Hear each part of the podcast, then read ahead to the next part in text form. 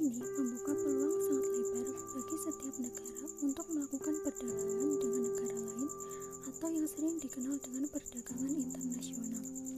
Untuk melancarkan kegiatan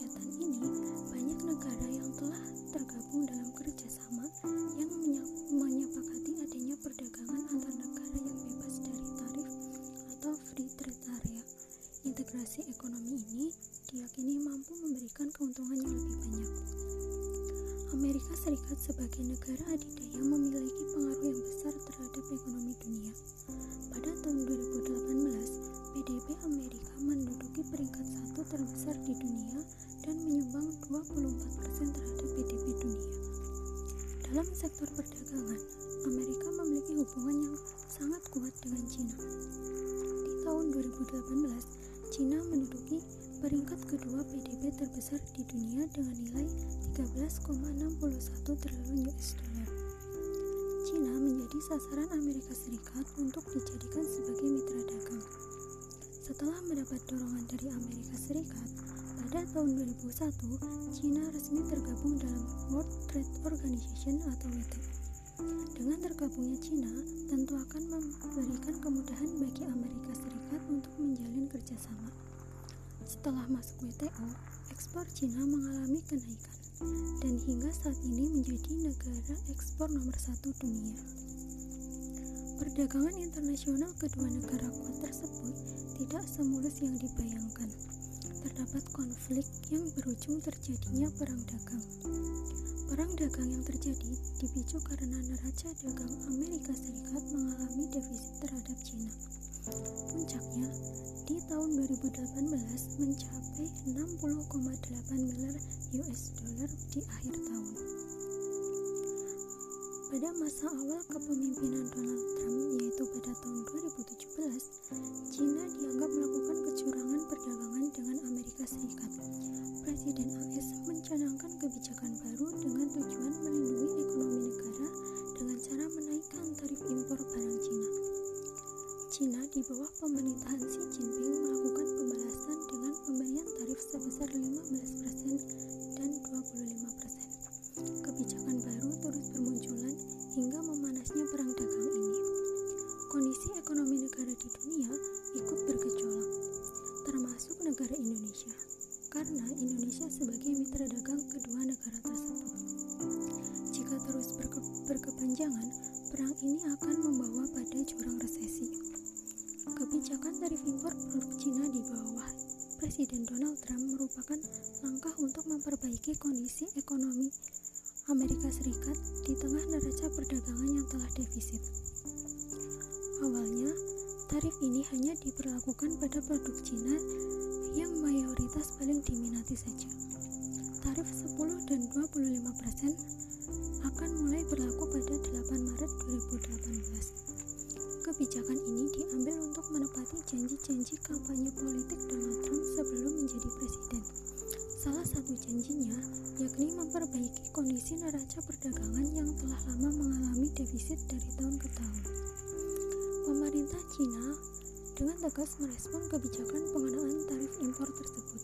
Cina memperlakukan tarif 15% pada produk scrap aluminium dan daging babi, 120 produk komoditas AS lainnya dikenakan tarif sebesar 25%. Kebijakan ini mulai berlaku pada minggu pertama bulan April 2018. Sebagai tindak lanjut, Kementerian Perdagangan kedua negara menetapkan daftar barang-barang yang akan dikenai tarif tersebut. Upaya untuk meredakan perang dagang diupayakan oleh kedua negara. Mengadakan pertemuan dan negosiasi hingga disepakati adanya penangguhan sementara tarif tersebut mulai pertengahan Mei 2018. Masa penangguhan menjadi waktu yang tepat untuk mengevaluasi kerangka kerja masing-masing negara. Di tengah guncangan ini, ekonomi negara di pelosok dunia mengalami goncangan akibat perang dagang kedua raksasa ekonomi ini. AS bahwa surplus neraca perdagangan Cina terhadap AS akan dikurangi secara signifikan. Kemudian pada Juli 2018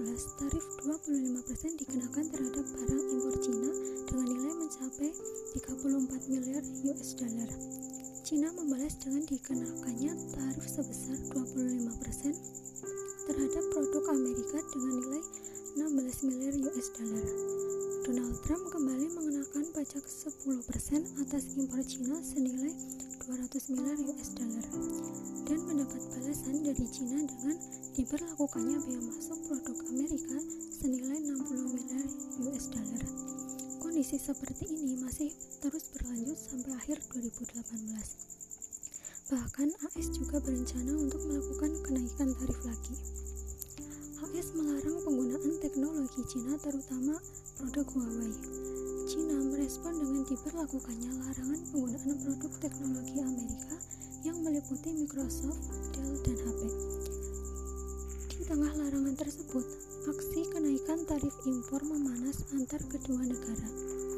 Pada akhir tahun 2019, Donald Trump dan Xi Jinping berhasil melakukan negosiasi dan mencapai kesepakatan. AS akan menangguhkan tarif impor yang kenaikannya direncanakan pada awal Desember 2019. Tarif impor yang diberlakukan terhadap Cina juga akan dikurangi. Perubahan struktural juga akan dilakukan Cina di bidang kekayaan intelektual, pertanian, dan keuangan. Di tengah perang dagang, industri manufaktur Amerika mengalami kontraksi bahkan mencapai level 48,1 per November 2019 berdasarkan indeks manajer pembelian. Hal ini semakin diperburuk dengan menurunnya belanja konstruksi sebesar 0,8% pada bulan Oktober. Menurunnya kondisi industri manufaktur menciptakan celah terjadinya pelonjakan angka pengangguran. Kondisi pertumbuhan ekonomi Cina di tahun 2018 mencapai titik terendahnya sejak tahun 1990 yakni hanya sebesar 6,6 persen. Cina mengalami kemerosotan ekspor pada tahun 2019 sebesar 1 persen apabila dibandingkan dengan Agustus 2018. Ekspor Cina ke Amerika Serikat turun 16%. Impor Cina ke AS juga turun sebesar 22,4%. Mata uang yuan juga mengalami depresiasi dan sampai menyentuh angka 7.100 per dolar AS. Bagaimana dengan Indonesia? Walaupun Indonesia tidak ikut andil dalam perang dagang tersebut, Indonesia dan negara-negara dunia lain ikut merasakan dampaknya, terutama negara yang menjalin hubungan dagang dengan kedua negara tersebut, termasuk Indonesia. Singapura sebagai salah satu negara maju di kawasan ASEAN memangkas pertumbuhan ekonominya di tahun 2019 menjadi 0 1 persen dari target awal 1,5 ekonomi Singapura mampu tumbuh 3,8 persen. Kemudian, Malaysia cenderung stagnan pertumbuhan ekonominya dengan prediksi 4,5 persen di 2019. Malaysia mengambil kebijakan di tengah perang dagang ini dengan menarik lebih banyak investasi asing. Sementara, Thailand merasakan penurunan, penurunan yang cukup dalam hingga 2,7 persen di lima bulan pertama tahun 2019. Ekonomi Indonesia pada tahun 2019 masih kuat bertahan di atas angka 5,02 persen. Walaupun mengalami penurunan dari tahun 2018, penurunan ini dianggap wajar melihat kondisi perekonomian global yang mengalami penurunan terutama negara mitra dagang Indonesia yang meliputi Cina, Amerika Serikat, Korea Selatan. Berdasarkan data dari BPS, neraca dagang Indonesia mengalami defisit di tahun 2018 sebesar 8,57 US dollar. Pada tahun 2019 kembali mengalami defisit. Namun angkanya jauh lebih kecil dari tahun 2018 yakni sebesar 3,20 miliar US dollar. Hal ini disebabkan karena melambatnya kinerja ekspor dibanding impor. Sebagai negara emerging market, Indonesia menjadi sasaran utama para investor asing untuk menanamkan modalnya. Banyak investor asing yang berbondong-bondong masuk ke pasar saham Indonesia karena dinilai ekonomi Indonesia masih mampu untuk tumbuh pesat. Di tengah ketidakstabilan ekonomi dunia, bursa saham ikut tergoncang. Di tahun 2018 mencapai level terendah IHSG yaitu 5.667 poin. Terjadi kepanikan pada investor akibat perang dagang, sehingga terjadi penarikan besar-besaran investasi yang telah ditanamkan. Penarikan inilah yang menjadi salah satu penyebab terkoreksinya IHSG sampai dalam. Mata uang rupiah juga sangat sensitif terhadap dolar. Akibat perang dagang, rupiah melemah hingga menembus level 15.235 di tahun 2018. Semua kebijakan maupun isu-isu dari Amerika Serikat sangat berpengaruh terhadap penguatan maupun pelemahan rupiah. Pemerintah Indonesia tidak diam saja akan kekacauan ekonomi yang terjadi.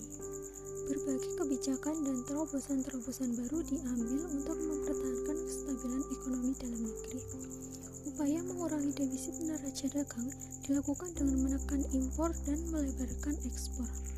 Pemerintah mengkaji ulang barang-barang yang memiliki potensi ekspor bagus dan mampu mendorong angka ekspor. Impor barang juga dikurangi dengan produksi sendiri barang-barang yang masih mampu diproduksi sendiri terutama barang konsumsi. Pemerintah juga menetapkan kebijakan untuk meningkatkan ketertarikan investor berinvestasi di Indonesia dengan paket kebijakan ekonomi ke-16. Kebijakan ini meliputi diberlakukannya devisa, hasil ekspor, daftar negatif investasi, dan tax holiday. Di tengah perlambatan ekonomi global, Bank Indonesia melakukan beberapa kebijakan sebagai insentif agar ekonomi Indonesia mampu tumbuh. Suku bunga acuan BI 7 days reverse repo rate mengalami penurunan basis point di tahun 2019 hingga akhir tahun sebesar 5%. Diharapkan dengan penurunan ini juga akan terjadi peningkatan permintaan kredit perbankan. Selain itu, BI juga mengambil kebijakan dengan melakukan penurunan giro wajib minimum senilai 0,5% menjadi 6%